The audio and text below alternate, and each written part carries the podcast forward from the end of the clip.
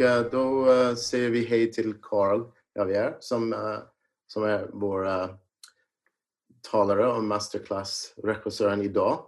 Carl, varsågod. Hej!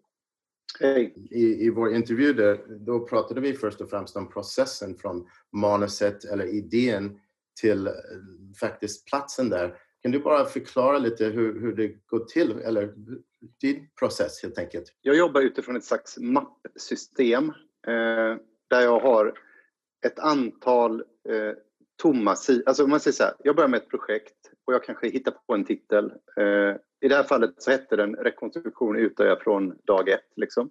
Mm. Och sen, eh, så det är liksom första sidan, eh, en titel. Och sen så eh, jobbar jag med eh, logline som är en slags beskrivning av, en beskrivning av projektet i en till två meningar. Och sen en, ett synopsis som är en halvsida till en sida. Och sen en, en fördjupade treatment som är tre till fem sidor. Och sen eh, har jag liksom ett antal punkter. Så i början har jag nästan ingenting och sen under processens gång så fyller jag på de här eh, bitarna ut, ut efter vad jag lär mig och förstår om projektet själv. Eh, och jag gör det för att jag vill komma igång med skrivandet och, komma igång med, och hjälpa mig att komma igång med processen. För det är lätt att man går, man har en filmidé och så har man den i sitt huvud och så är det svårt att liksom komma vidare. Men jag försöker formulera mig eh, på ett ganska tidigt stadium. Och det gör också att den här är, det är väldigt så här, eh, eh, vad ska jag säga, det är väldigt eh, ofärdigt i början. Men sen under processens gång så fortsätter man och fyller på det och bygger på det. Och det som är bra med det här eh, skrivandet, systemet, är också att du efter vid en viss punkt så kan du börja dela det med andra i processen, alltså fotografer, researchers, eh, kompisar som du litar på. Liksom. Och sen när du kommer till den punkten att du ska söka utvecklingspengar till exempel, då har du redan saker skrivet. Då kan du börja skriva om den för finansiärer och, och börja visa det utåt. Liksom. Så det, det, är ett slags växande dokument, ett levande dokument som, som är med i hela processen. Eh, och jag kan faktiskt säga så att jag, jag, kan, när vi är färdiga så kan jag dela den mm. strukturen med er så kan ni eh, se det, hur, hur man kan jobba med det här. Det är för dokumentärfilm. Liksom. Och det är också en slags det finns ju någon slags branschstandard liksom, numera vad, vad som ska vara med. Liksom i den. Eh, men så det, det gör jag. Och det andra är att jag försöker så fort som möjligt liksom kasta mig ut och utsätta mig för verkligheten. Liksom. För det är, ändå, det är ändå det som är basen till filmen. Så att man inte heller fastnar på kammaren och skriver egna fantasier. Liksom. Uh, och jag, jag berättade det här i, i Rekonstruktion ute, så formulerade jag och Fredrik Lange, producenten som jag jobbar med på Vilda Bomben, vi formulerade projektet ganska snabbt och skrev ett, eh, ja, jag tror att det var sex sidor kanske, mm. Eh, en slags beskrivning. Och sen så skickade vi den och tog kontakt med stöttegruppen i, i Oslo som har hand om alla överlevare. Och så träffade vi dem så fort som möjligt.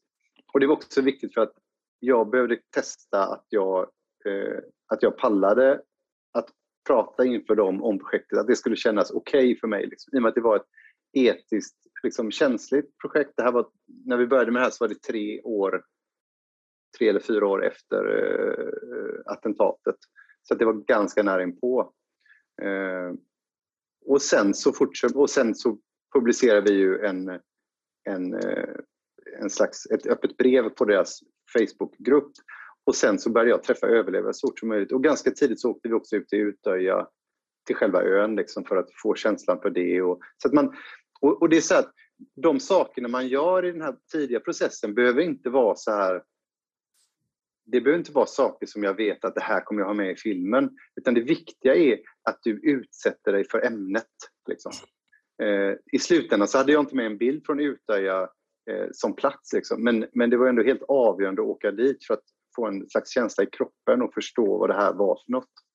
Eh, så att det tänker jag är viktigt att man jag tror den här liknelsen i den här, när vi pratade, du och jag James, i filmen, att man färgar ett tyg. Och, och lite så att man, man ser sig själv som ett, ett, ett, tyg utan färg i början. Sen doppar man sig i det här ämnet som man är intresserad av. Och det kan ju vara det kan ju, ja, men ni, ni sitter här med olika projekt och, och just era projekt är ert färgbad så att säga och det är det ni behöver doppa er i på olika sätt. Liksom.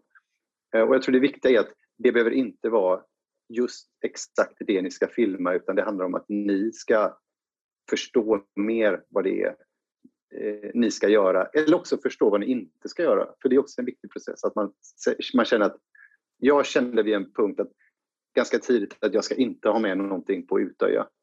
Utan jag vill jobba med minnet, jag vill jobba med studion som en minnesprojektionsplats. Eh, och det är överlevarnas minnen som de både eh, spelar upp, eh, regisserar och upplever i den här studion som är kärnan i filmen. Så att man, eh, och därmed så försvann ju massa saker. Det försvann arkivbilder, det försvann Utöja som plats, det försvann intervjuer med andra personer. Då, då börjar man liksom rama in vad det är man, vad är, vad är det just den här filmen ska vara för något. Bra. Eh, har ni några frågor om, eh, till Carl angående den här processen som han använder? Du får bara räcka upp handen så kan jag... Ja, Martin? Ja, hejsan. Jag presenterar mig aldrig. Jag var lite, hade lite strul med internet innan. Nej, okej. Okay. ja, hej. Ja, men jag är lite nyfiken på hur du liksom förklarade den här idén för de här liksom, överlevarna första gången. Mm. Det, det, var alltså det, väldigt så här, likt som filmen är. Jag förklarar att jag vill göra en film om, som handlar om eh, 22 juli, attentatet. Eh, men att det inte fokuserar på eh, gärningsmannen.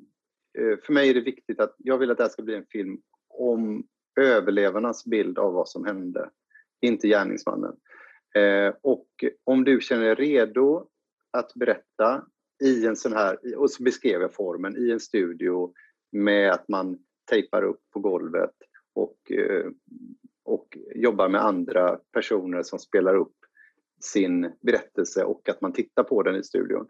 Om du känner dig redo eller, och är nyfiken, kontakta mig i så fall.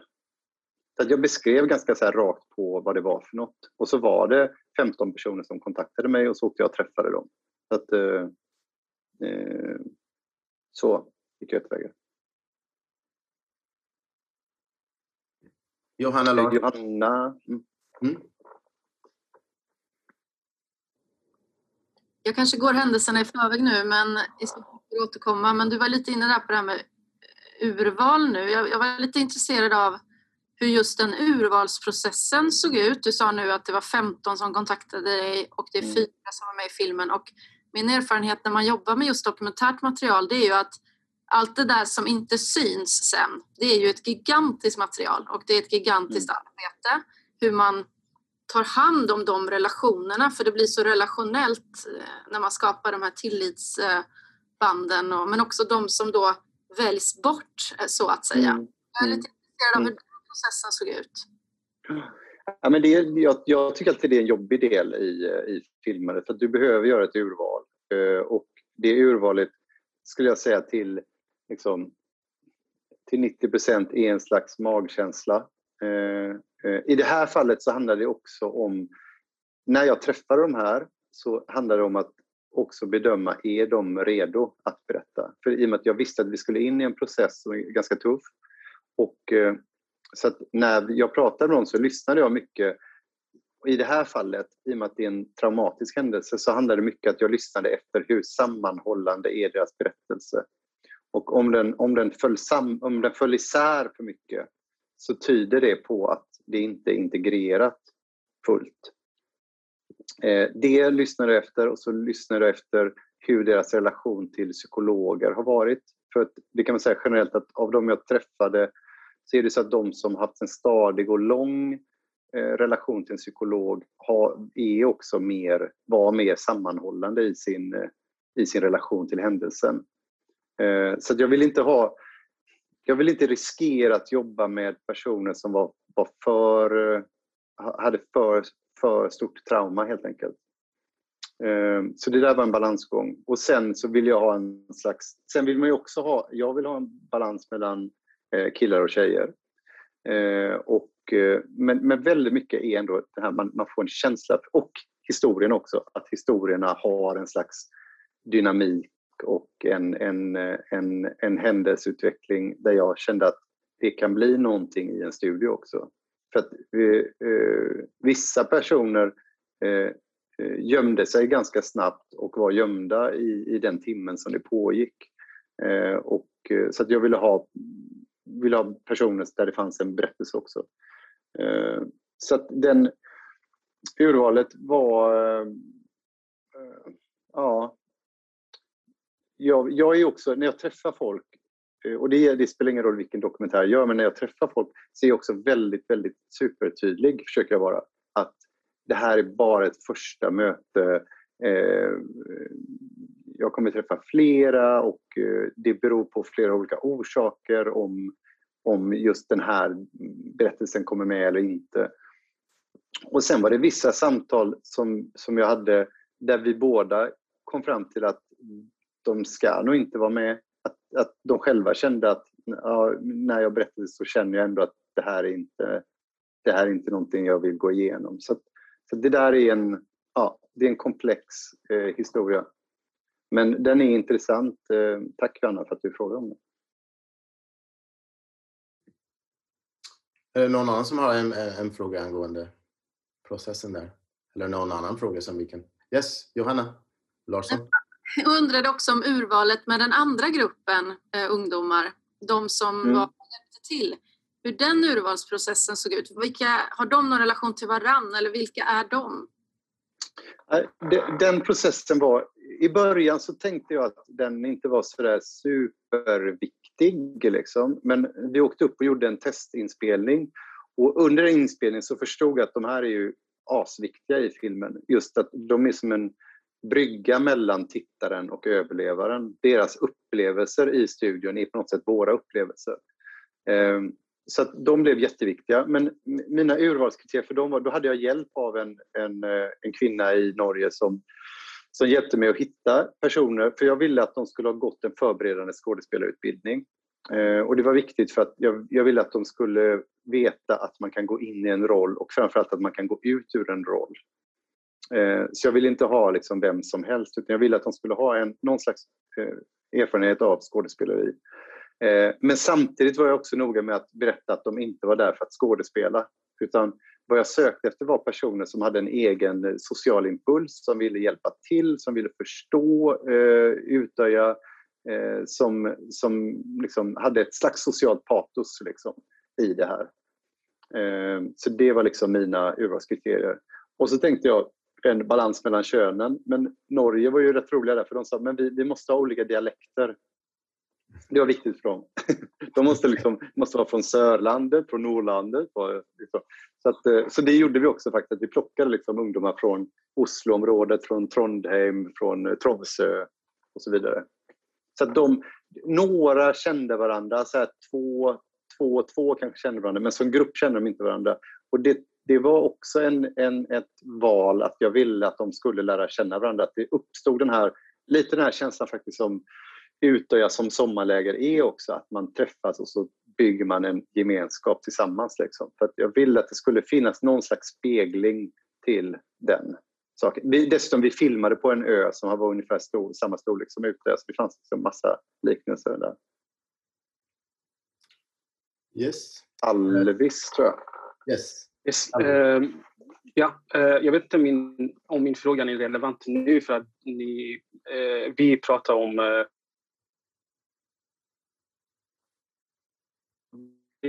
hur du jobbar den här DNA av uh, din projekt redan i början av uh, projektet när du sitter och uh, skriver hela idén. Hur du kommer på den här DNA-punkten. Jag kan förstå att det här är olika faktorer som, som tolkas som en DNA på en, på en projekt men det borde vara intressant att veta hur du jobbar redan i början. Du föll bort lite där Alvis. Kan du bara formulera frågan igen kortare? Visst, eh, min fråga var att hur du jobbar med DNA av din projekt redan i början, eh, fasen, redan i pre-production. Ja, Okej. Okay. Ja, alltså det, är, det är lite olika från projekt till projekt. I, i Rekonstruktion Utøya så var det så att idén eh, att, att göra någonting om Utöja kom ur ett samtal mellan mig och Fredrik. Och vi, det fanns liksom en slags, det finns en politisk bakgrund till det som gör det intressant att berätta om. Det fanns en slags skevhet i berättelsen tyckte jag, att fokuset var stort på, på, på gärningsmannen. Eh, och så tänkte jag samtidigt att det går inte, hur, hur, hur gör man det här överhuvudtaget? Och parallellt med det så jobbade jag med en annan idé där jag ville jobba med rekonstruktioner på det här sättet som jag gör i rekonstruktioner. Så då satte jag ihop de idéerna och då så i, det, i det här fallet så uppstod liksom själva kärnan i filmen uppstod väldigt snabbt. Liksom. Men så är det inte alltid. Ibland, alltså jag tycker jag kan hålla på i flera år att försöka hitta vad, vad en film, hur den ska berättas. Liksom. Så jag, jag skulle säga att det är ett, det är ett sökande. Liksom. Och det, det, det, det går liksom inte att komma förbi utan eh, om man inte nu känner att man vill, man, man, ja, att man vill eh, att man kanske har en stil eller en metod från tidigare som man vill fortsätta med, då kan man fortsätta med det. Men jag vill att det ska vara intervjuer, jag vill att det ska se ut så här och så gör man det. Men jag gillar ju att försöka liksom se om man kan vända lite på formspråk, vända på berättande och så vidare. Liksom. Eh, jag ska visa en liten bit ur Freak Out tänkte jag också senare. Eh, jag vet inte om någon har sett den, men den är också en sån film som tog väldigt lång tid att få ihop formmässigt. Hur ska jag berätta det här? Det är, det är en historia som utspelar sig för över hundra år sedan. Eh, det finns inget filmat material därifrån eh, och så vidare. Så då liksom, så det, jag, jag, kan bara säga att det är en process och ibland så, går den, ibland så faller den på plats snabbare och ibland så tar det väldigt lång tid. Men, men det är värt mödan ska jag säga, för det, det är liksom det som formar jag tycker det är jävligt viktigt att man inte bara gör en film lite slentrianmässigt. Jag tycker att det är värt att lägga ner mödan att försöka hitta det unika uttrycket för just den filmen som man håller på med. Och, och därmed sagt att det finns inget svar på att vissa sätt är bra och vissa är dåliga. Det är bara olika. Men det är värt att man hittar sin egen form och det som intresserar en. Det är viktigt.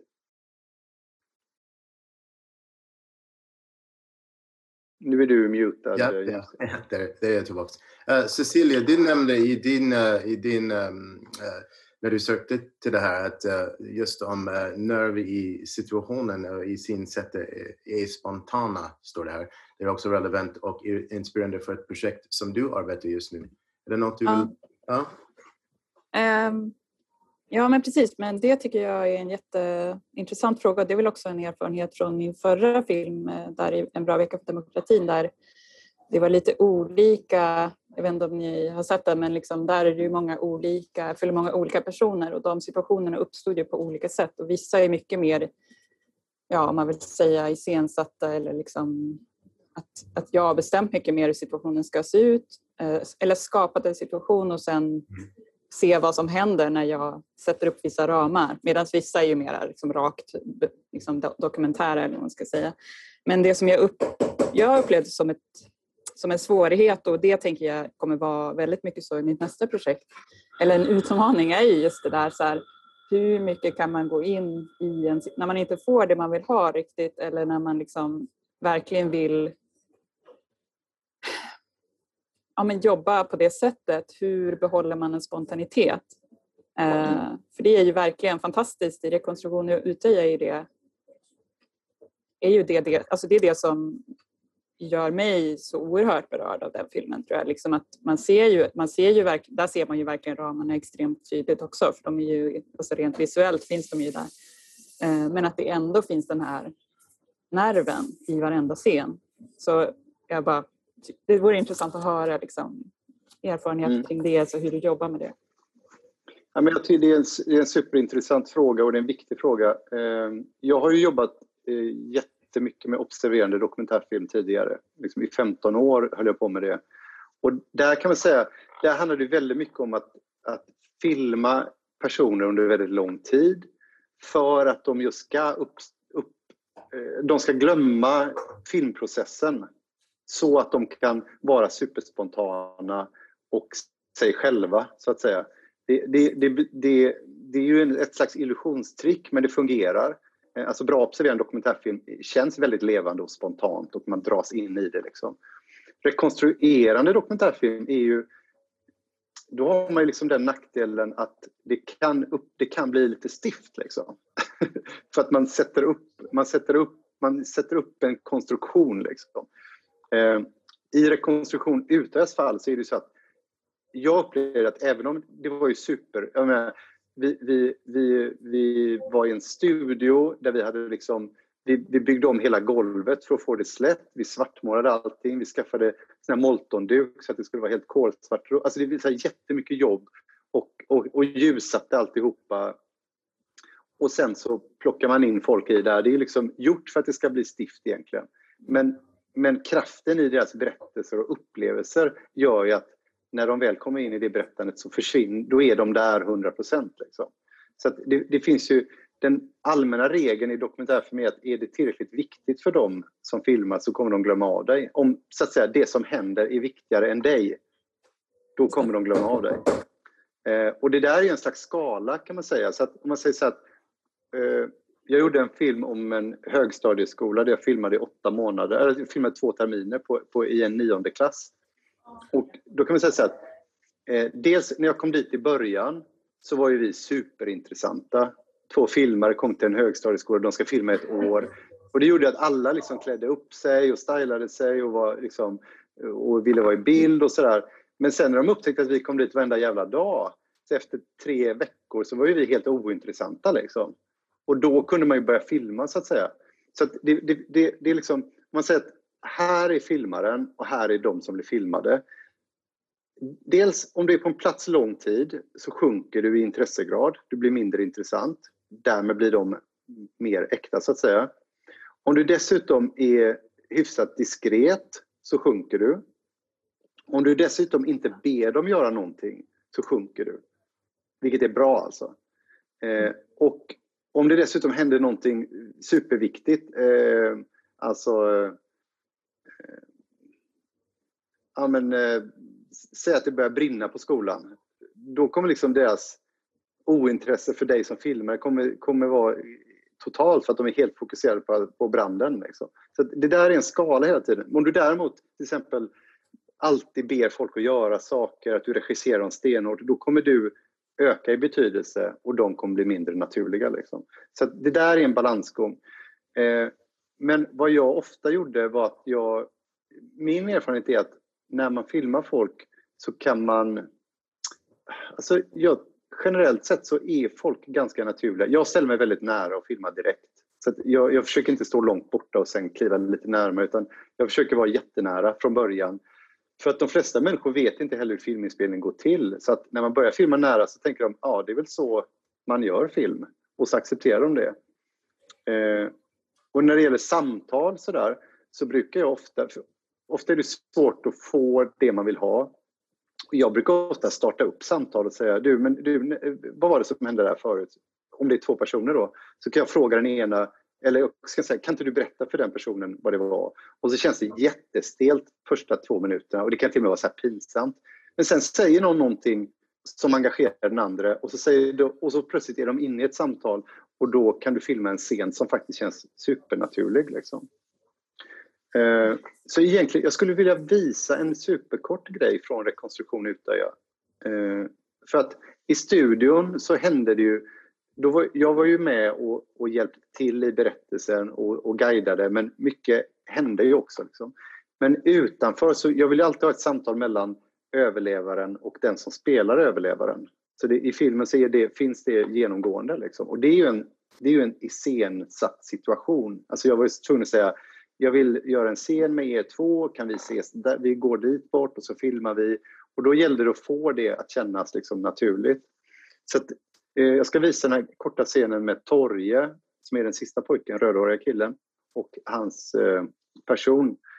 Eh, om jag lyckas dela skärmen, men jag ska prova det. Ja, det kan du Ja, och sen tar vi Karls fråga och Johannes fråga efter visningen.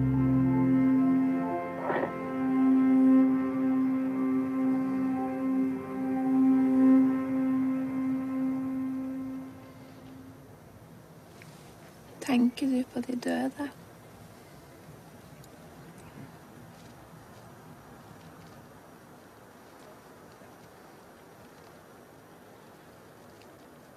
Det lär aldrig gå en dag utan att du tänker på dem som är döda.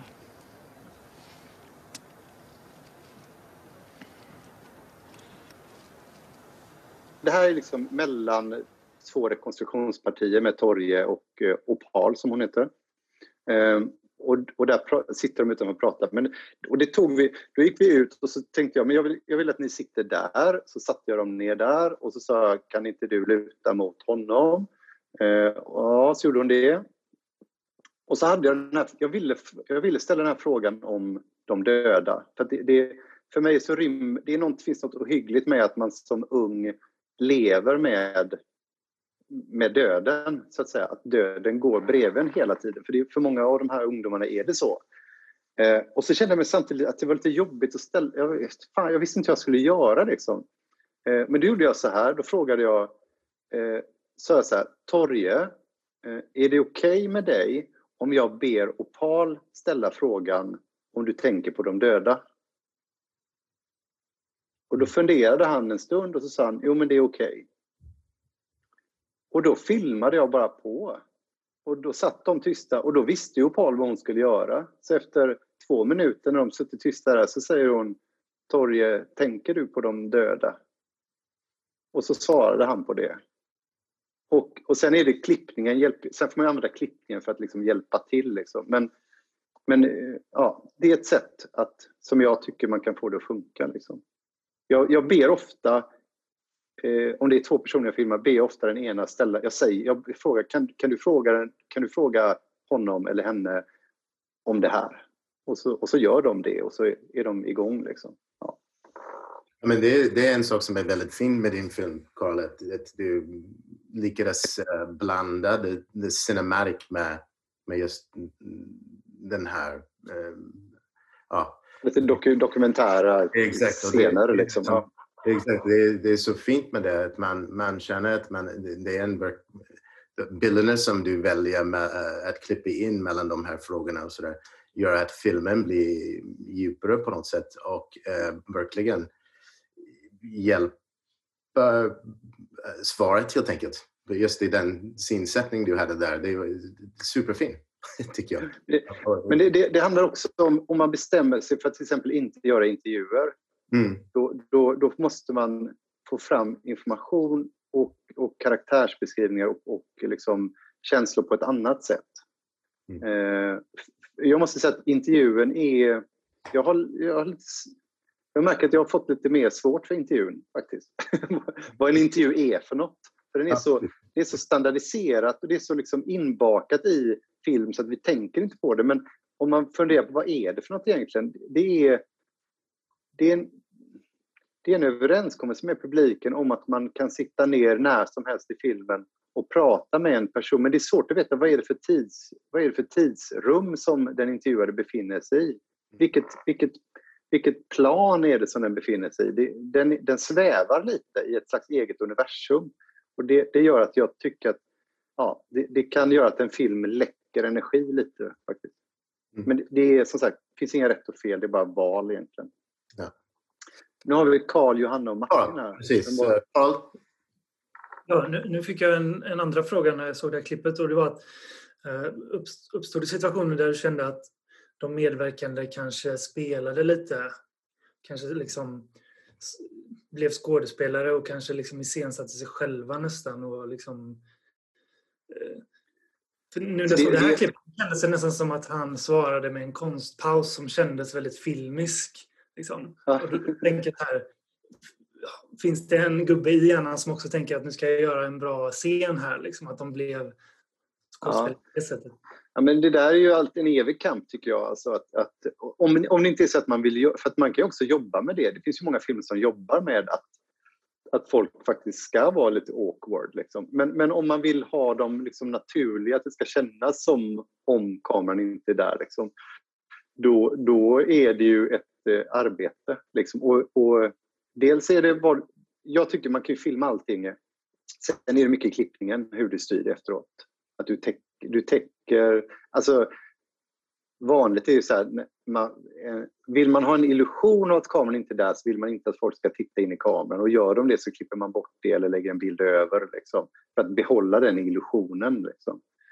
Eh, och, och sen är det, det, det handlar ju också om hur nu, och då kommer vi också in på det som jag tycker som är det viktigaste i dokumentärfilm, det är access. Liksom. Hur, hur, stor access har du till personer? Hur mycket litar de på dig? Hur, mycket, hur, mycket, hur trygga känner de sig? Hur avslappnade känner de sig med dig och fotografen? Eh, och, och, det är klart, ju mer, ju djupare, ju längre tid, ju bättre access, desto mer naturliga kommer de också vara. Liksom. Yes. Får jag ta min andra fråga också? Ja. Oj, du är mutad nu Carl. Du pratade om logline innan. Jag skulle, undrar om du har om du minns din allra första logline som du skrev? Och så kanske den sista? Eh, ja, jag kan leta upp det i pausen faktiskt. För jag vet att de, de, de, de skiljer sig åt. Gör de. Eh, ja. Så de, de utvecklades liksom med tiden. Så, men jag, jag, kan, jag skriver upp det, så ska jag leta upp det. För det kan vara kul att se på. Tack. Yes. Eh, då var det Johanna. Jag är intresserad av att höra mer kring eh, mm. hur preparationsprocessen såg ut liksom på plats när ni var där i, på ön i studion så att säga. Hur preparationsprocessen såg ut med eh, dels de fyra men också kanske med gruppen. Alltså vad du sa till dem innan ni trädde in i rummet. Sen kanske du fortsatte preparera dem i rummet. Det är ju ingenting man ser i klippningen, liksom, eller den färdiga mm. preparationer, vad, hur ni förberedde er. Mm. Eh, alltså dels så fanns det ju en massa tekniska förberedelser, att vi skulle få studion att funka och ljussättning funka. Det är knepigt i en sån gigantisk studio. Liksom. Och vi vill inte ha några lampor på golvet heller. Vi ville att allting skulle kunna filmas så att det skulle vara liksom svart bakom eh, personerna i studion. Eh, sen gjorde vi så att jag, för mig var det viktigt att studion, att studion var en slags tryckkokare. Så, så att, eh, själva studion låg i en, i en hangar, en gammal sån här, eh, pansarvagnshangar. Så att en tredjedel, första tredjedelen av studion var ett slags förrum. Eh, och två tredjedelar var själva studion. Så att, och däremellan var det ett svart draperi. Då. Så att det, det jag försökte var bland annat att jag, jag ville att när man gick in i studion, då var det skarpt läge. Så det, det var alltid stängt. Det, ingen fick tillgång till studion så att säga. Och det var viktigt för att det blev liksom ett slags... Eh, det blev ett slags... Eh, ja, men det blev det här minnesrummet och det var viktigt att behålla den kraften. Så när man gick in där, då visste man att nu är det på allvar. Liksom. Eh, och det tror jag också ökade dels ökade det fokuset och ökade kraften. Och sen dessutom hjälpte det till för att man kunde, när man gick ut därifrån så kände man att man faktiskt kunde lämna någonting bakom sig. Eh, till de...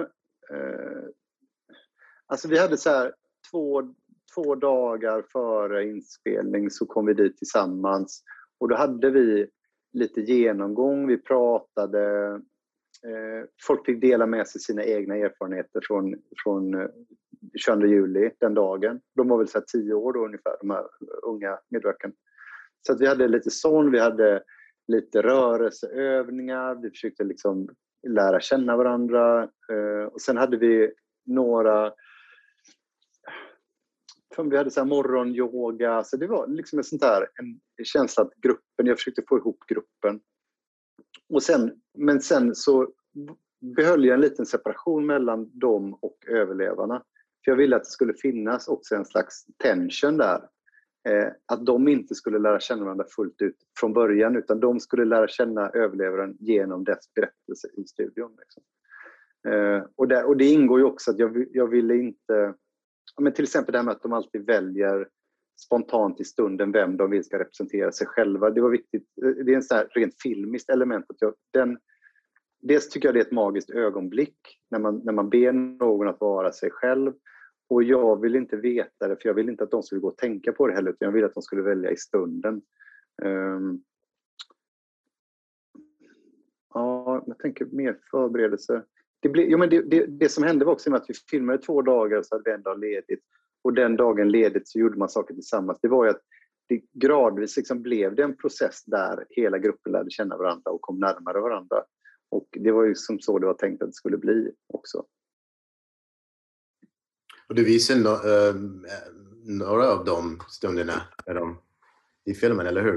Uh... Ja, de är filmade. Ja, vi filmade även dem. Vi filmade allting. Ja. Och sen, jag filmade ju även, eh, alltså jag hade ju filmat i nästan två år före också hemma hos överlevarna. Eh, även om jag inte använde det i filmen så var det en viktig del i det, det som jag sa tidigare, accessen. Fick du svaret där Johanna? Bra. Då går vi till Martin. Du hade en fråga. Så unmute där. Jag tänkte bara kort fråga först. I den här scenen, eh, kände även killen till vilken fråga som skulle ställas där? Ja, precis. Han satt med när jag... Ja, jag båda kände till. För det var honom jag frågade om det var okej okay att Opal ställde den frågan till honom.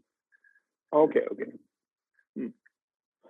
Ja, intressant. Och sen tänkte jag fråga, jag håller på med en liten, eller jag har liksom en film som jag har lagt åt sidan lite för att det har varit för tungt och sådär.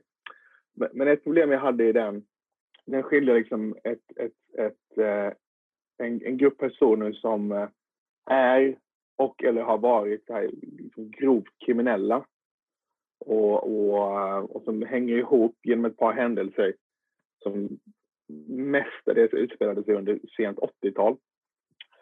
Och eh, så liksom de här personerna är väldigt viktiga. Jag måste ha med i alla fall två av fyra känner jag. För, för att kunna göra det som jag vill göra med det. Och eh, det som är intressant med den ena killen då som jag filmat. Dels är han liksom ganska sådär aggressiv i sin ton. Det kan vara lite obehagligt att jobba med honom. Eh, vilket då gjorde att jag helt gav upp det ett tag för det kändes liksom för jobbigt. Eh, men det som händer det är det här du pratar om att de glömmer en, att de vågar öppna sig och så vidare. Det är att han kan vara väldigt engagerad i filmen eh, och vilja jobba med det. Eh, och jag jobbar inte konceptuellt med den här filmen som du gör utan mer konceptuellt med scener. Att jag till exempel låter honom träffa en polis och sådär som han inte har träffat sedan 80-talet. Och han är väldigt på och sådär.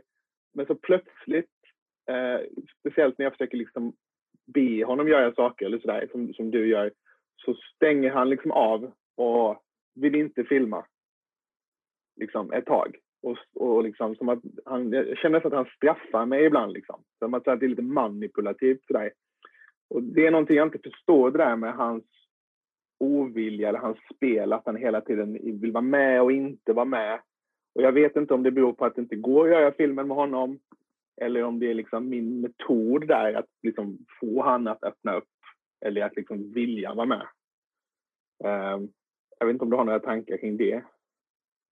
Jag tänker att det är liksom, din, din upplevelse och erfarenhet i det här är liksom en klassisk dokumentär upplevelse och erfarenhet och den är ganska jobbig, eh, skulle jag misstänka.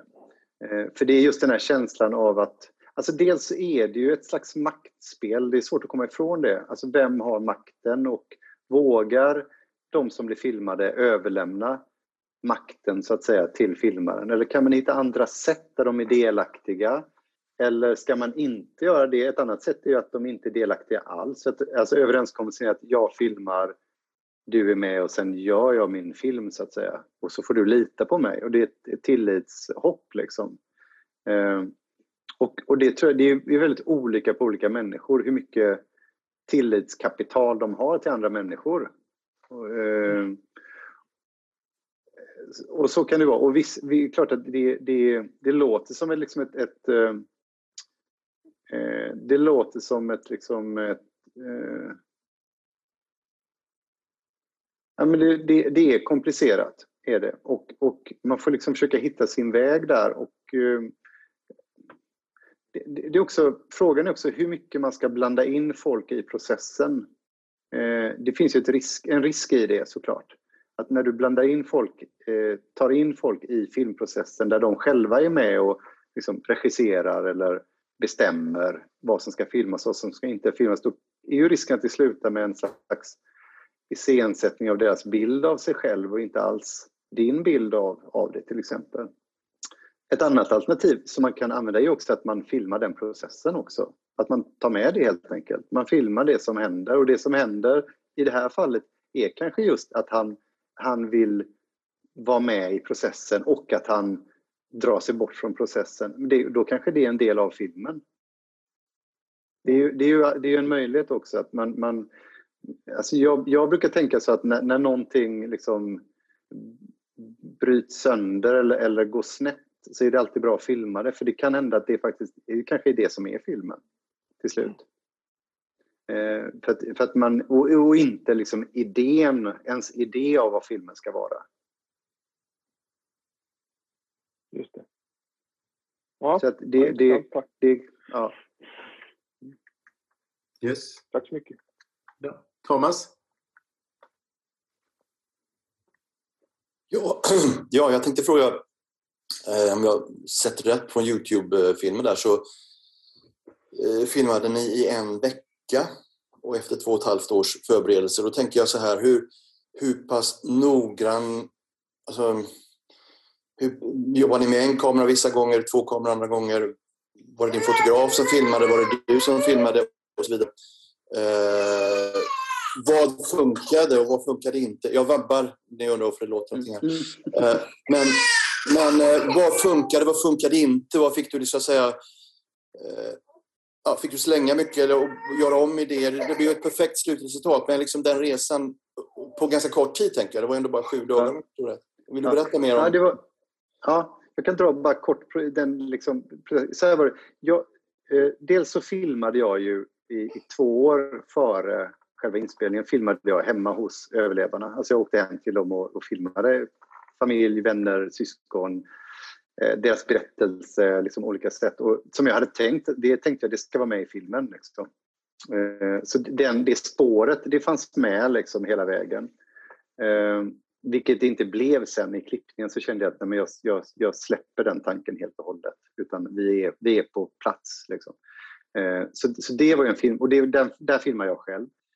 Sen innan vi innan vi kom till studion så åkte jag och eh, fotografen Henrik Ibsen runt till överlevarna och filmade hemma hos dem med en, liksom, med en riktig fotograf. Då, eh, vilket alltid är skönt. Eh, och, och det gjorde vi två veckor före inspelningen. Eh, det använde vi inte heller, det materialet. Eh, sen hade vi två och en halv vecka på plats i, i studion. Så vi, två och en halv vecka var vi tillsammans allihopa och filmade.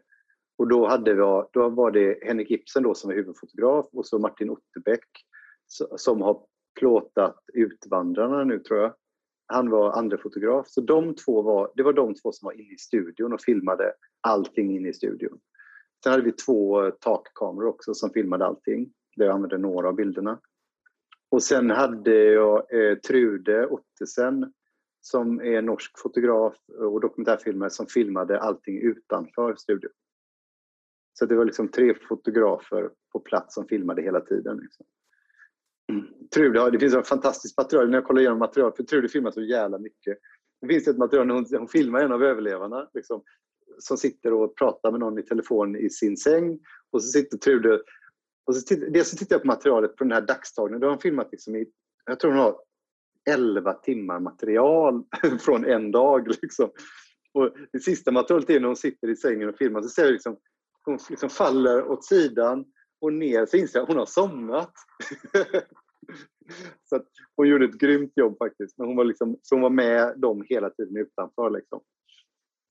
Um, så, så såg liksom den tekniska. Och sen hade vi en ljud, eh, Anders Kahnmark från, eh, från Göteborg som var med och tog ljud inne i studion. Plus att han myggade allihopa. Så han hade liksom 20 tre myggor som gick till en liksom, ljudinspelningsbox som bara spelade in allting. Eh, så så var liksom de tekniska förutsättningarna. Och, då undrar jag, så här, funkade allt som det skulle från början till slut eller vad, vad fick du ompröva? Liksom, att det där går inte, vi får nog göra... Vad fick du ändra säga, under den här tiden? Uh, ja, men det var mest att vi höll på med linser faktiskt. Vad vi skulle ha för linser. Uh, om man skulle ha fast eller zoomlins. Uh, och vem som skulle ha vad. För att Hen Henrik Ibsen fokuserade mest på överlevarna, Otterbäck på uh, medverkande. Liksom. Så det var det var nog mer det vi höll på med faktiskt, Lins, eh, Lins beslut. Liksom. Och sista frågan bara, och din roll då här, hur mycket fick du så att säga gå in, gå in och, och ja, rekonstruera eller, eller styra? Eh, I, studi i studion var jag med hela tiden och, och där kan man också säga också om Access för att jag, det, jag kände ju överlevarna absolut bäst och umgåtts med dem under många år och det tror jag också var en förutsättning för att det skulle funka i studion för att de hade tillit till mig och jag var med hela tiden så jag var liksom deras trygga punkt inne i studion. Eh, och jag visste också deras historia så jag visste ju vad jag ville ha med så jag kunde påminna dem eller ställa frågor eller eh, eh, liksom, ja. Så ofta var det så att de, varje rekonstruktionsscen började med att vi pratade om den, jag och överlevaren och sen så pratade överlevaren till allihopa. Liksom, så det var en eh, det var ett sätt att liksom hålla koll på att man fick med sig allt det man ville ha med sig. också. Plus att vi sände ut allt materialet sände vi direkt ut till monitorer utanför studion där psykologen satt och tittade på allt materialet. Eh, och även de överlevarna som hade gjort den här rekonstruktionen fick sitta med och titta på de andra om de ville. Liksom. Jag ville inte att de skulle titta på dem innan de gjorde sin egen rekonstruktion så att de skulle få en slags bild av hur en rekonstruktion går till. Det var viktigt att de fick hitta på och upptäcka det själva så att säga. Tack. Yes. Simon? Ja, eh, väldigt intressant om, eh, om, om just din metod. Jag undrar lite om, eh, du nämner det här att det kommer från observationell eh, bakgrund och eh, lite ställer det mot eh, alltså rekonstruktionen. Just att det, ser du det som att det är olika eh, kompatibla liksom, eh, metoder? Eh, hur samspelar de? För jag tänker till exempel nu den här filmen är, har ju ett koncept som är så tydligt och genomgående och, och som du eh, har kommunicerat från början med alla. Men om, om, man, om det är en film som kanske har element av rekonstruktioner eller vissa scener eh,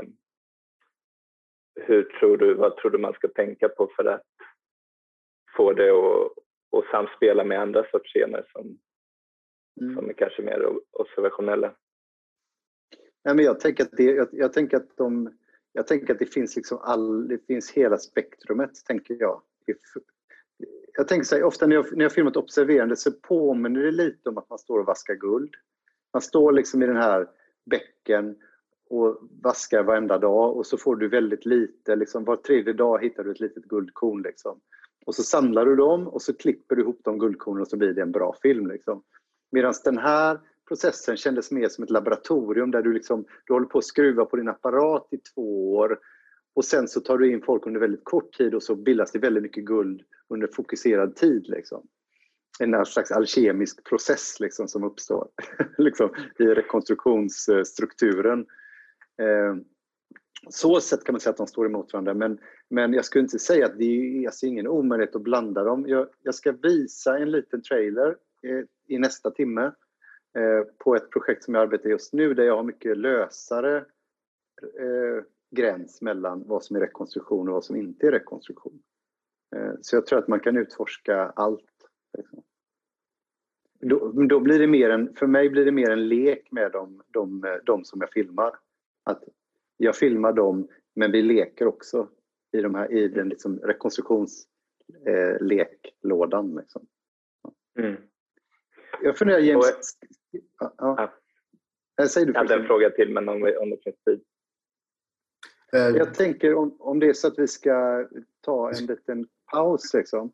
Precis, vi ska ta en, en, en, eh, en liten fem minuters paus men innan det, det, så ska du visa lite från Freakout och angående HITA-projektets uh, eh, DNA. Och, uh, hur, ja, hur man, just det. Mm. Jag ska visa första minuten bara på Freakout uh, som är gjort på ett helt annat sätt men som också handlar om hur man liksom kan utforska och leka för att hitta hur man ska berätta sin historia. Det är som sagt en film där det fanns inget filmat material överhuvudtaget. Eh, till en början väldigt fåtal bilder, eh, stillbilder också. Så att, men vi tittar på den och så kan vi ta paus och så kan vi prata lite om det sen också. My name is Ida Hoffman.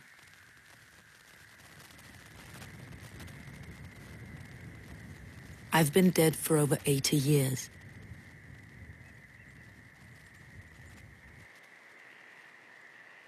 When you've been dead for 80 years, you get a clearer perspective on life.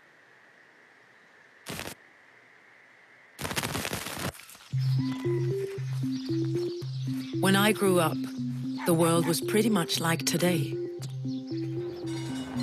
Globalization, raw capitalism, financial crisis, foreign wars, and fast communication spanning the globe. What it basically meant was that a few people got filthy rich, while the rest stayed poor as usual. We were the filthy rich. I just wanted to get away.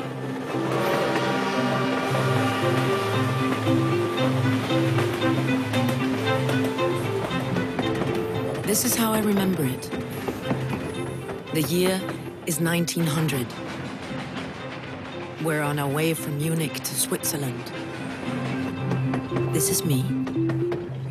And this is Henri. We're going to set up a vegetarian community and a health center. A place for all those like us who are fed up with the hypocrisy of our society.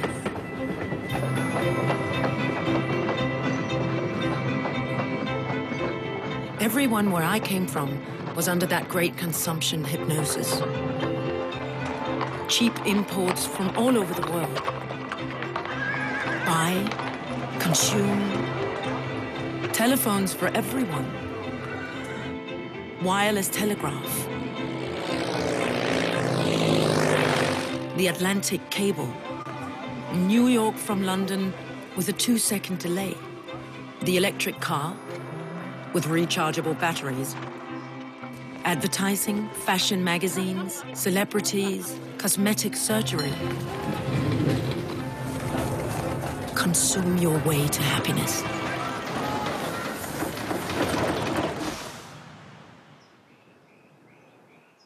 It was a period in which science and technology were bringing uh, just new ways of living to people. It was the railroad age. It was an age of uh, new forms of communication. It took the steamships took less time to cross the Atlantic.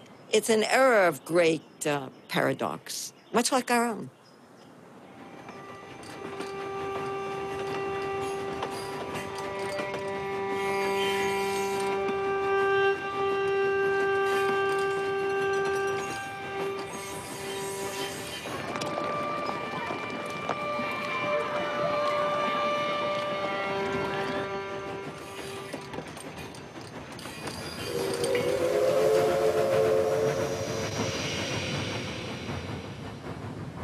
Met Henri Odenkoven at a vegetarian spa. He left his wife Charlotte back in Antwerp. Henri never loved her. We're together now. My father will kill me when he finds out.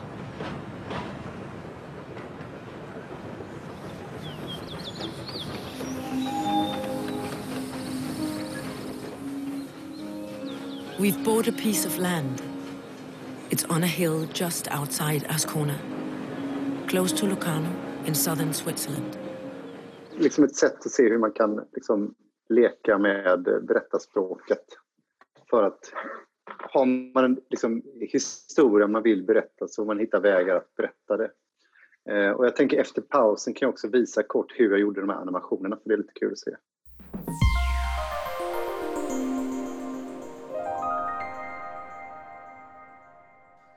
Uh, Carl, precis innan pausen där så visade du uh, freakout, en liten, uh, två minuter av freakout där. Uh, och du tänkte berätta lite mer om uh, den processen. Att, ja. Jag tänkte egentligen bara visa den ja, hur, hur green, green screen animationsprocessen såg ut.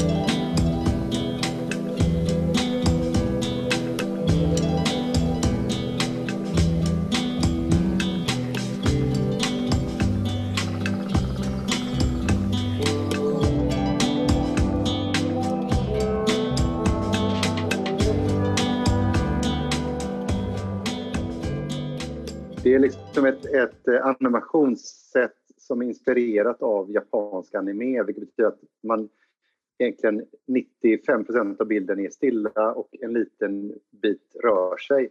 Vilket är liksom i, i Japan så är det utvecklat för att det är ett väldigt billigt sätt att få saker att se ut som rörlig film fast det nästan inte är det. Liksom. Det är så otroligt lite som behöver röra på sig för att det ska, vi ska uppfatta det som film. Eh, ofta är det så här, vi använder sån här blås då i håret för att ofta är det att man om hela personen är stilla och så, och så rör sig håret, då behöver man bara animera åtta rutor dit. Sen reversar man de åtta rutorna så det går tillbaka och så ser det ut som det rör sig. Liksom. Så det finns, jag tycker det var ett roligt sätt. Jag är inte så superförtjust i animation i dokumentärfilm men här tyckte jag var ett sätt som blev, ja, det var kul att göra det. Men kan jag fråga dig Karl, eh, hade du den här idén att använda den här metoden innan du kom på idén eller hade du idén om Nej, det tog skitlång tid. Det tog jättelång tid. Alltså vi, vi pratade direkt så ja, men vi gör animation och så ja. börjar vi titta på animationer och så känner man så här, men jag, det känns, det känns så... Ja, den här gjorde jag ju 2014 va? och jag tyckte att det känns så här använt med animation i dokumentärfilm. Men det har blivit mer och mer. Jag tänker på Flykt nu som är den danska. Alltså det är så här helanimerade dokumentärer. Och det funkar, det är kul tycker jag att det har blivit liksom en slags egen genre inom dokumentärfilm. Men, men men det var ett, apropå eh, ska säga, din fråga, eh, ja, men apropå att det, det, kan ta väldigt lång tid att hitta hur man ska berätta sin historia och det här tog väldigt lång tid innan, för jag, vi fick också hitta på det här sättet för det är inte så att jag hade sett någon som hade gjort det utan jag tänkte att det borde gå att göra. Ja. Och så gjorde vi det liksom. Så att, eh, ja. Jag tänkte lite fråga dig hur, hur du ser på det här med storyline. Du pratade om eh, din eh, påverkan av Werner Herzog och hans, jag har liksom hört hans kritik till den här mer amerikanska modellen, tre akter och plot points. Hur tänker du på storyline i det här projektet särskilt och generellt i ditt eh, arbete? Ja, men det, det, jag tänker att vi har ju, det finns ett berättarspråk Eh, och en, en slags berättarstruktur som alla är väldigt, väldigt vana vid, som man behöver förhålla sig till. Eh, och det finns, det finns saker som absolut fungerar i film, alltså kontraster fungerar, det skapar framåtrörelse, det finns massa saker liksom. Eh, och eh, och jag, jag, tänker att man får förhålla sig lite fritt till det. Eh, jag, jag, gillar ju inte, eller jag har lite svårt när dokumentärfilmer blir för uppenbart eh, dramaturgiserade. Liksom. Eh, att, att jag, ibland när jag ser filmen så kan jag uppleva att de som är med i filmen är ett slags eh, dockor i klipparen och filmarens dramaturgiska setup. Liksom. Eh, och då, då, och är det bra eller dåligt? Nej, det kan man inte säga. Men, men jag har en tendens att, att eh, hoppa ur de filmerna när jag ser dem. För jag känner att det, det, det blir för styrt. Liksom. Alltså det blir för smart. För skickligt på ett sätt. Liksom. För det kan vara så här, apropå liksom, vi befinner oss idag i en situation där dokumentärfilmen plötsligt har fått liksom en hög status och en hög ekonomisk status som den inte haft tidigare. I och med att Netflix och andra går in och köper eh, dokumentärer för väldigt stora pengar. Eh, och det gör också att vi har liksom fått en slags Netflix-dokumentär idag som är väldigt streamlinad och väldigt hårt strukturerad, eh, som du säger, med plotpoints och aktindelningar och så. Eh, bra eller dåligt, de är, mycket är ju gjort för att folk ska sitta kvar. Eh, jag sitter inte alltid kvar på sådana filmer för att jag kan, jag kan känna att den... den... Ja, det, jag skulle säga att man, man, man, risken är att du offrar själen i filmen för den dramatiska strukturens skull. Liksom. Och det är en avvägning du själv behöver göra. Eh, det snyggaste tycker jag är om det inte känns, liksom, utan att man är med och de personer som är i filmen är det som man är liksom 100% committad till i sitt tittande. Liksom. Eh, ja, I rekonstruktion utreda så har jag ju liksom en, en man kan säga att Torjes eh, liksom avslöjande i slutet om hans bror är ju en slags katarsis-avslutning. Liksom. Det finns en stegring i berättelserna att, eh, där, där trycket och eh, kraften i berättelserna ökar. Liksom. Så att, visst, jag, alla filmer har en struktur. Liksom. Det tog ganska lång tid för mig att få till att det skulle vara en aktstruktur, eh, alltså att det skulle vara kapitelstruktur, alltså att det är en överlevare åt gången så att säga. För att den, den spontana eh, reaktionen hos alla i branschen är om man har flera personer då måste man liksom växelklippa dem för då har du mest kontroll över den dramatiska bågen. Liksom. När man lägger dem i kapitel så har du mindre kontroll och den, på ett sätt kan man säga att den dramatiska bågen blir också svagare faktiskt. Eh, men i det här fallet så, så var det superviktigt att vi gjorde en klippning med, som var korsklippt enligt alla konstens regler.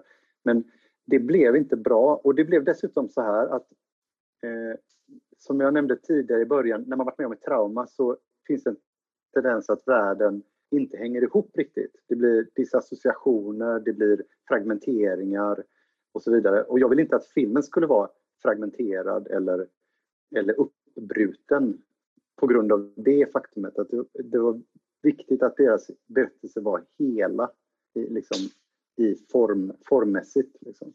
Så att när man tänker dramaturgi så tänker jag också man behöver också tänka på vad är det för film man gör. Det, det, jag tycker inte man ska tvinga in alla filmer i en slags dramaturgisk eh, så här, superprodukt. Liksom.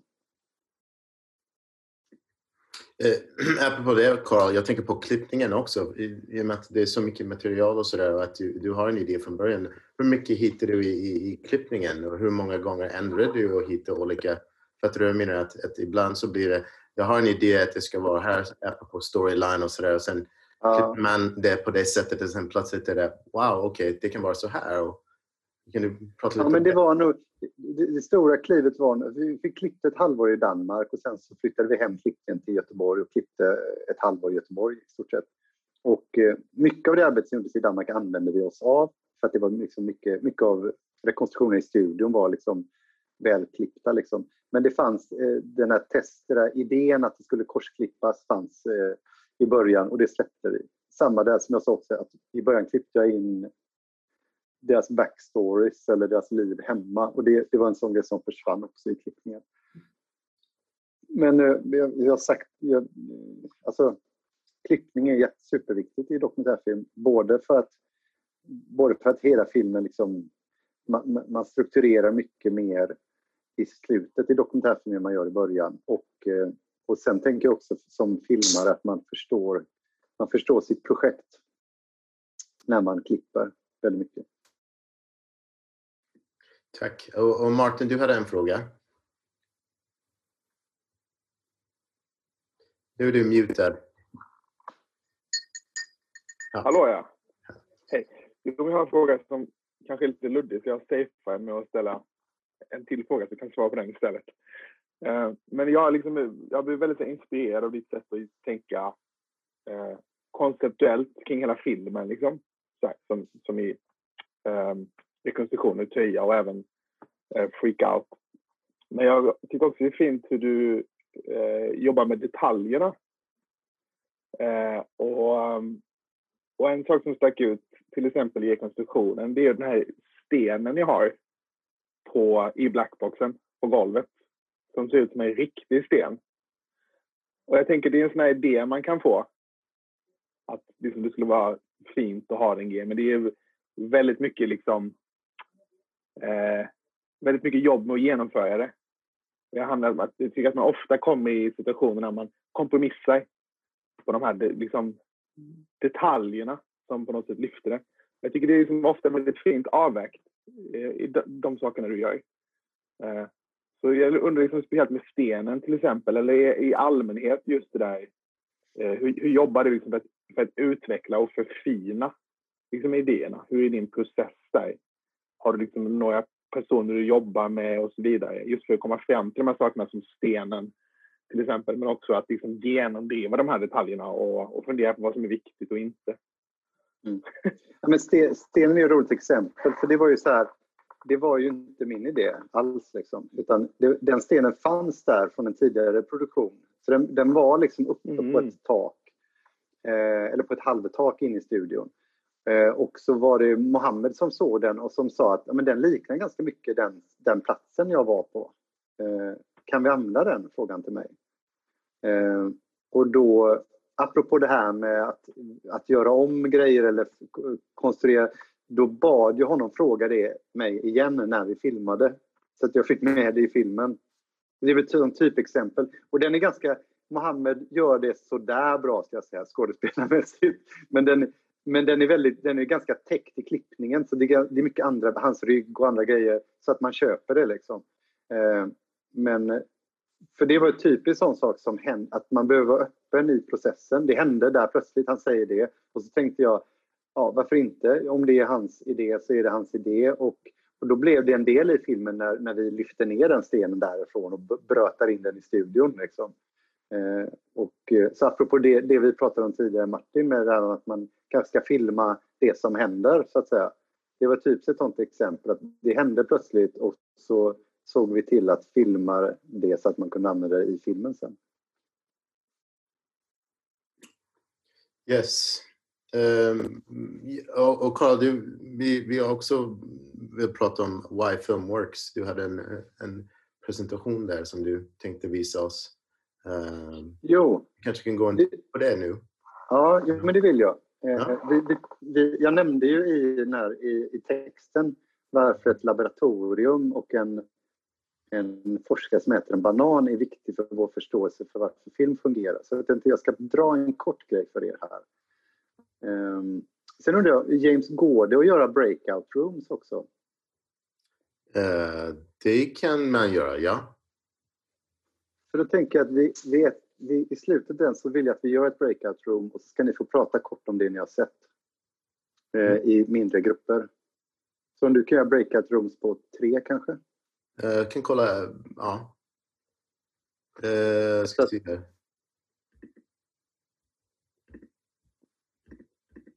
Ja, det kan man göra. Ja, tre olika grupper med sex till sju personer. Ja. Gör fler grupper då, så att det blir färre personer. Ja. Eh, men vi, jag, jag, ska börja med att visa den här grejen. Ja. Uh, ska vi se här, vi är här. Nu delar inte jag skärm va? Eh, ska vi se här. Okay. Vänta, jag ska göra det först. Share screen. Yep. Eh, och jag vill ha eh, den. Och så. Då ser ni va? Yes. Och då står det Warframe Works va? Yep. Då är det några saker här. Jag vill prata om eh, spegelneuronet och det undermedvetna.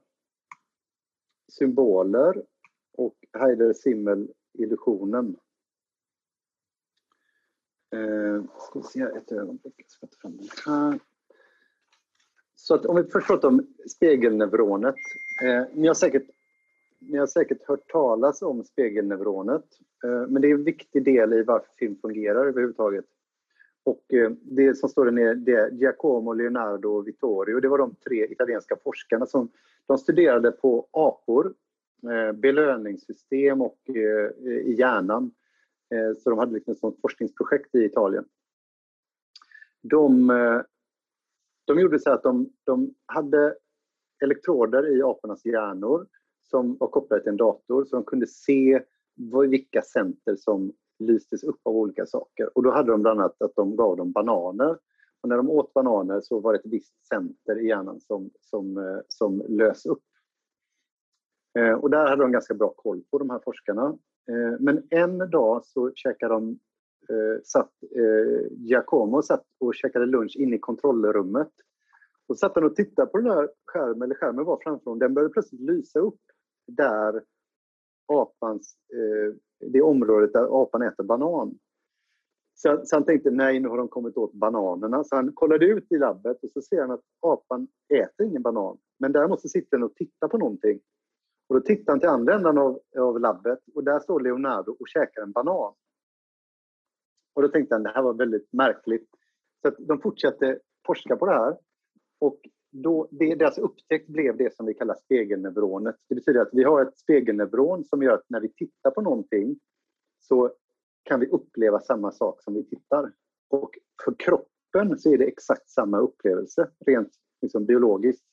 Så uppstår samma sak. Och det, det är det som gör att vi, när vi ser film eh, och någon lider, så lider vi med den och så vidare. Så det är liksom en viktig del i varför film fungerar. Det andra är det undermedvetna, eller det omedvetna. Eh, och det kan man säga, det är liksom en mer mystisk sida av filmen eh, som gör att det omedvetna jobbar ofta i bilder, vilket är väldigt tacksamt för film i och med att film i huvudsak ett bildmedium. Eh, och det, det kan man väl säga, tänker jag, generellt så att ni som jobbar med film eller vill jobba med film eller är på väg att jobba med film, jag tänker att det är väldigt, väldigt viktigt att tänka i bilder. Att jobba, utveckla bildberättandet i, i, i projekten. För det är väldigt lätt att vi hamnar i ett slags språkligt landskap. Och det språkliga landskapet är, om man tittar på den här bilden, det är den översta biten, det är det språkliga landskapet. Allt det under är bildlandskapet. Så att bilderna når mycket djupare in i oss. Bilderna träffar andra delar i vårt väsen. Eh, och jag tänker att det, det, det, kan låta så här självklart att film är bilder, men det är ändå så otroligt lätt att glömma av det. Eh, för att det finns också en slags... Det finns väldigt starka krafter som vill att, att det ska vara ord för att det är lättare att styra över ord, det är lättare att kontrollera, det är lättare att, att läsa. Och då, då kommer vi in på det här med skrivandet om film också. Att jag, jag förespråkar ju mycket skrivande, men jag förespråkar också att man ska aldrig glömma att det du skriver är inte din film. Det du skriver är någonting du skriver för att förstå din film. Men filmen, det är något annat, för filmen är bilder. Så det omedvetna är, är viktigt. Freud, psykoanalytikern, sa att en bra terapi det är när ett omedvetet möter ett annat omedvetet utan att passera det medvetna.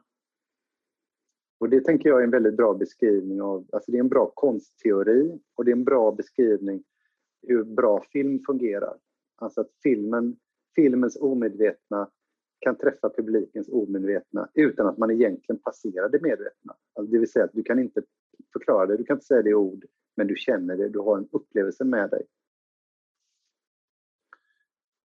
Ehm, man kan också säga att, apropå bildberättande, att vi har våra drömmar är ju också väldigt kopplade till, till, vår, till vårt omedvetna och drömmarna är också bilder. Så på ett sätt kan man säga att i hundratusentals år har vi, liksom, vi har varit väldigt förberedda på att se film för att vi har gjort det på nätterna liksom, i alla tider. Vi har, vi har våra egna filmrullar liksom, som har rullat i det omedvetna och i drömmarna.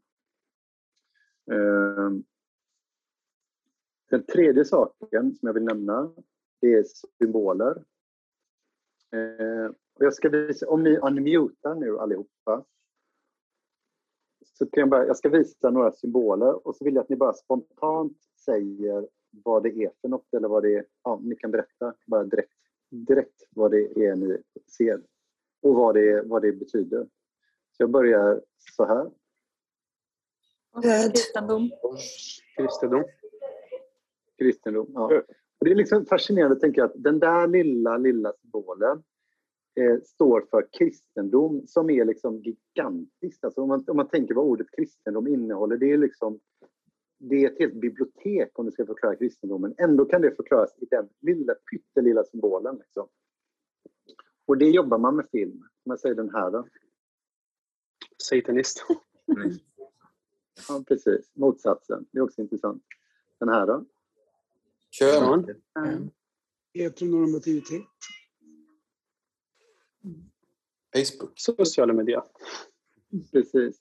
Så att liksom vi, har också, vi har också symboler som kommer och går. Liksom. Vi, vi, vi, som människor vi tenderar att paketera saker ner i en, i en liten symbol.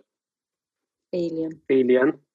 Precis, och den, den tror jag inte hade funkat för hundra år sedan. Där det, alltså, folk hade varit helt oförstående. Vadå? Eller vad, varför tänker du alien? För det här är en slags 50-tals konstruktion liksom, som har kommit in i vår nutid. Liksom lätt konspirationsteoretiskt. Liksom.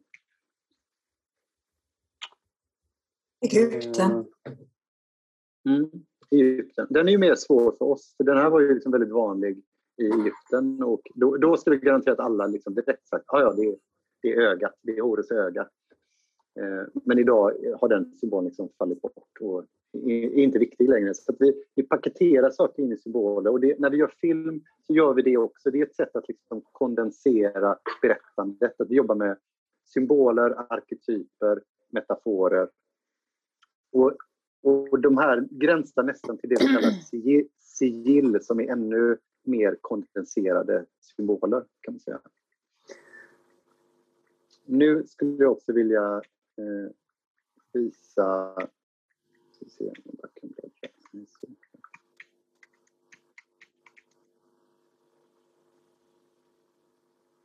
Den här Heider Simmel-illusionen. Så ni kan faktiskt muta er, för annars tror jag på rundgång nu. Så vi ska titta på den här. Eh, ni ska se på den och så ska ni se vad det är som händer och vad det handlar om. Och sen så ska vi gå in i smågrupper och så ska ni få dela vad, vad det var ni såg och vad det handlade om.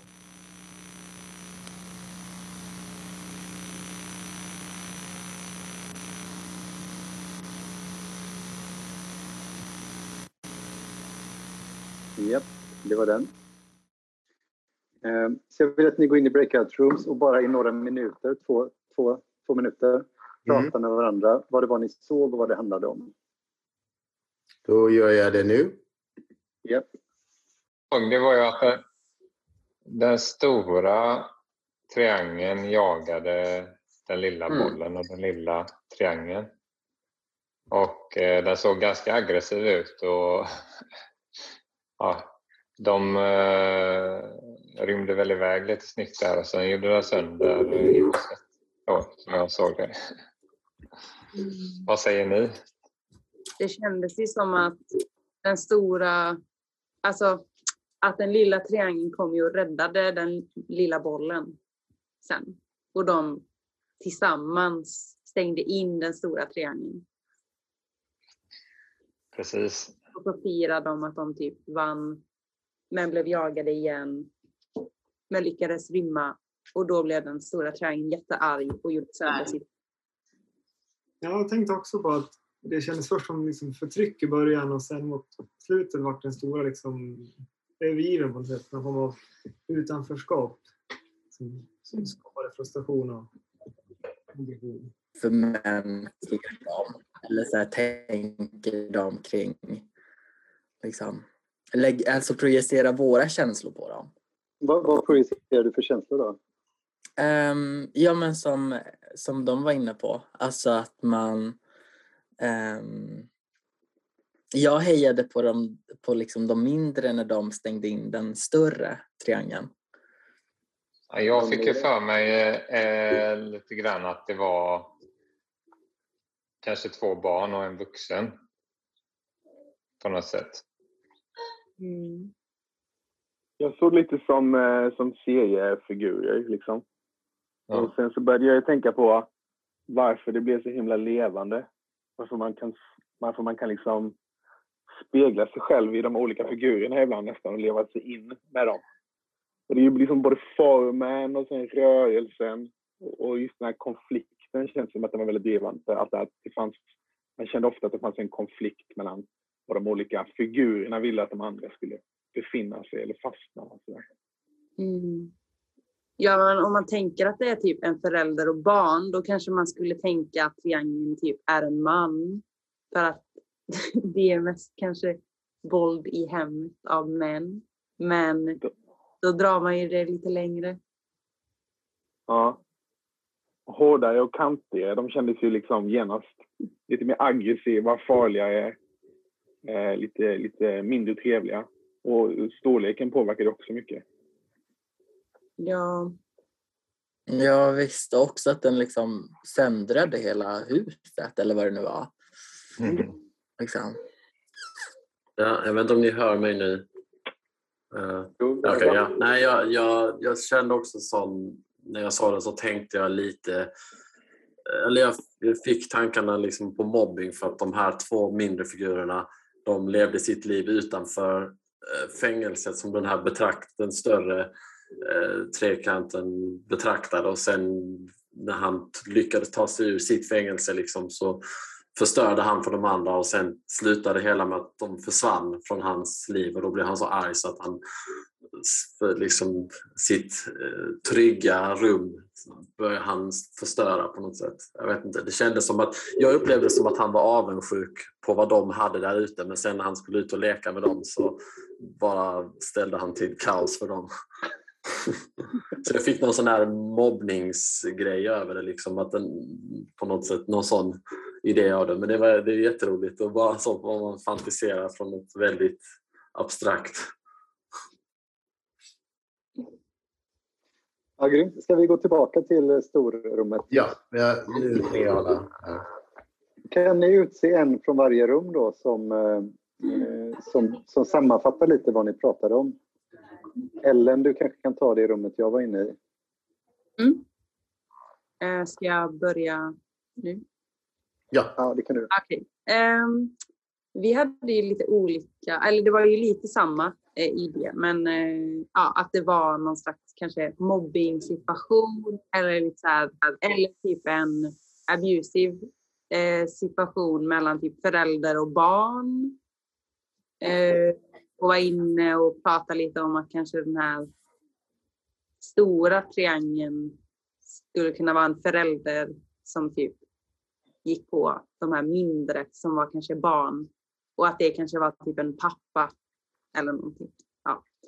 Eh, men också pratade vi lite om att det skulle kunna vara typ en mobbing-situation där den stora triangeln tog sig ut och typ ville vara med och leka men att det slog fel och typ av frustration sen slog sönder typ det här rummet eller huset då när man blev ensam. Typ.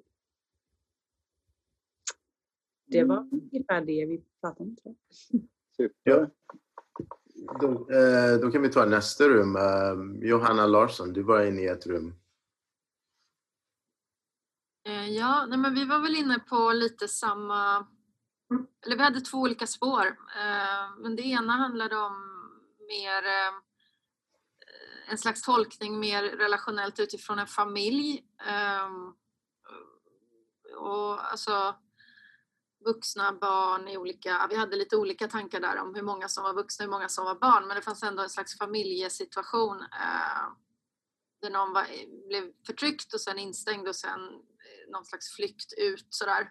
Men sen fanns det också tankar kring mer att det var en symbol mer för samhällsstruktur och revolution och liksom hur man ja, hur någonting är så som det brukar vara och hur någonting slår sig ut från det och är någonting annat.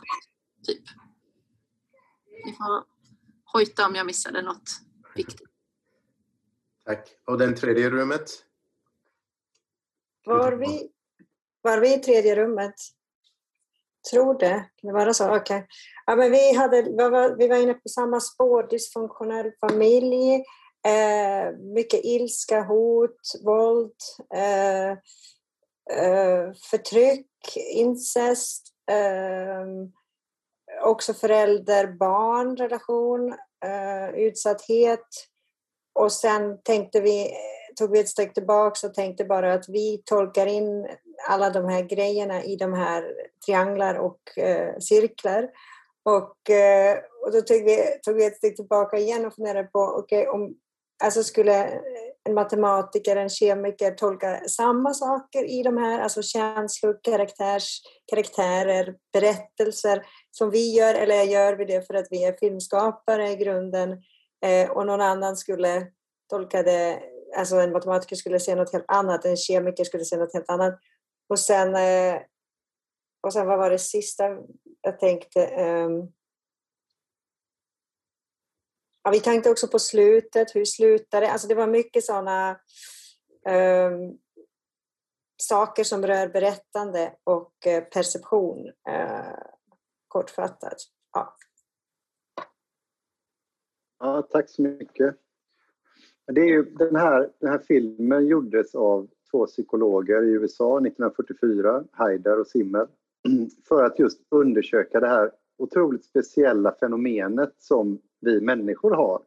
Nämligen att vi någonstans är apor som skapar berättelser. Liksom. Vart vi än går så skapar vi berättelser och vi, vi, vi, vi är liksom maniska på det sättet att vi kan inte liksom gå förbi någonting utan att skapa en berättelse, se en relation, plocka ihop saker. Eh, så, så det korta svaret, och det är ju flera som varit inne på det, det ni har sett är ju ja, det är eh, två, två trianglar, en boll som åker Alltså det är ju ingenting egentligen. Det är ju, det är liksom noll content liksom, på det sättet. Men vi fyller det med incest och avundsjuka och mobbing och familjerelationer.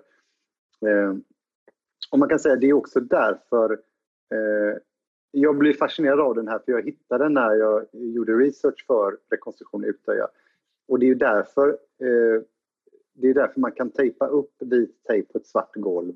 Och när man ser det sen så ser vi klippor och vi ser hav och vi ser stigar och vi ser liksom, båtar och vad vi än vill se. Liksom. Vi fyller det med våra egna tolkningar och våra egna... Och, och jag har upptäckt att det är också så att nästan ju mer man plockar bort desto mer fyller vi i. Så att när man tar bort någonting från, det tänker jag, det vet ju du Johanna som jobbar med teater, att ju, mer man, ju mindre man ger publiken desto mer fyller den i själv. Liksom. Vilket, är, vilket är väldigt fascinerande. Och jag tänker att det är relevant för när man gör film. Eh, så att eh, det, det, ni har tolkat in är ju såklart rätt alltihopa, liksom, för att det är det vi tolkar in.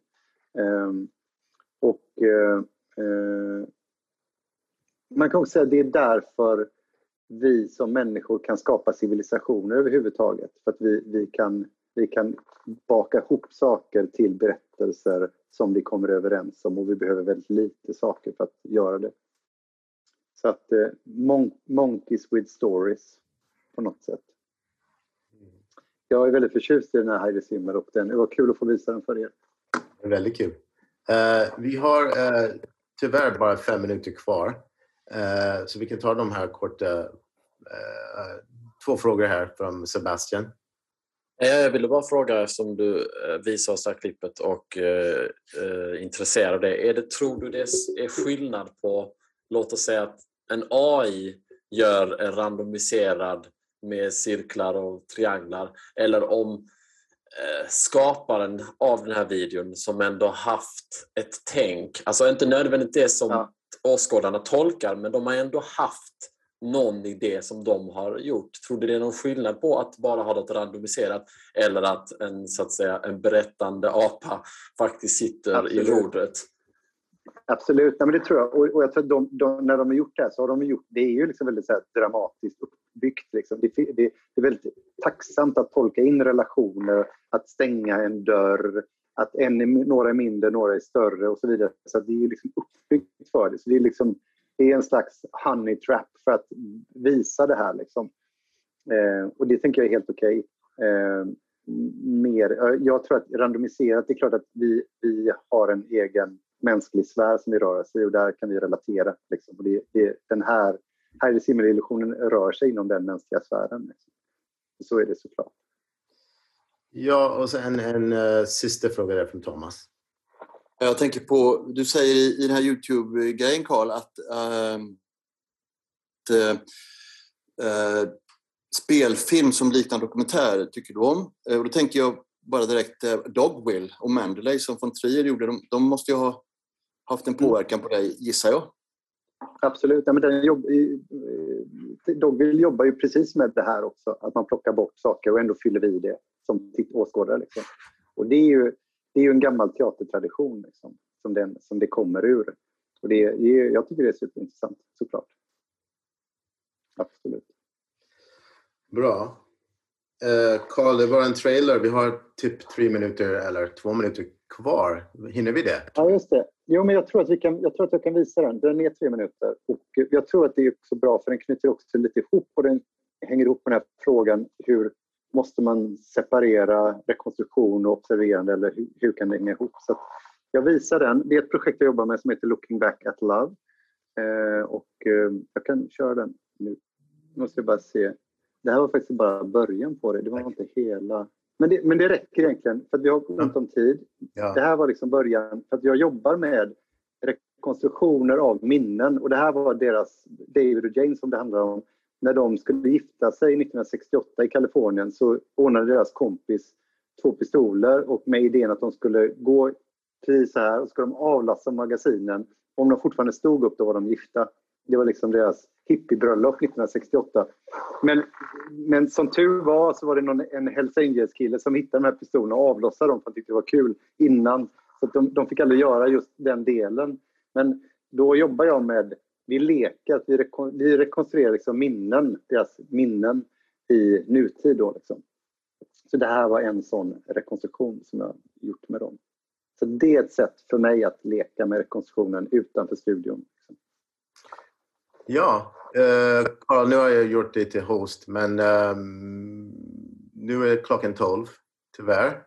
Jag vill sitta och prata med dig mer faktiskt, men eh, eh vi är, det är slut nu. Eh, vi tackar er så jättemycket och ehm, om ni har frågor och vill uh, mejla mig så kan du göra det så kan jag uh, svara på frågor eller om ni har thoughts eller idéer om hur vi kan göra bättre eller göra mer. Det, det, det, är, vi, det är bara att göra det. Uh, så jag, jag kan lämna min e-mailadress här i chatten så får ni gärna e-maila mig om ni vill. Och det kommer, eh, jag vet att det kommer två till masterclasses som är med eh, Maria Eriksson Hecht som har gjort en del kortfilm och jobbar med sin första långfilm nu. Yes. Och eh, Goran Kapitanovic som har gjort eh, långfilmer och serier. Han gjorde Kalifat bland annat. Och, Precis. Så det, det blir liknande upplägg med dem. Ja, och han har precis gjort klart uh, Knutby, en uh, serie för Be Real uh, med Alba August och Aliette Ofium helt enkelt. Så kommer snart. Ja. Men uh, tack så jättemycket för tiden och uh, underbart Carl. Väldigt fint att prata ja. med dig igen. det är så fint allihopa. Ni dök upp. Tusen tack. Ja, jag hoppas att det var fint för alla. Tack så jättemycket. Hej då! Hej då!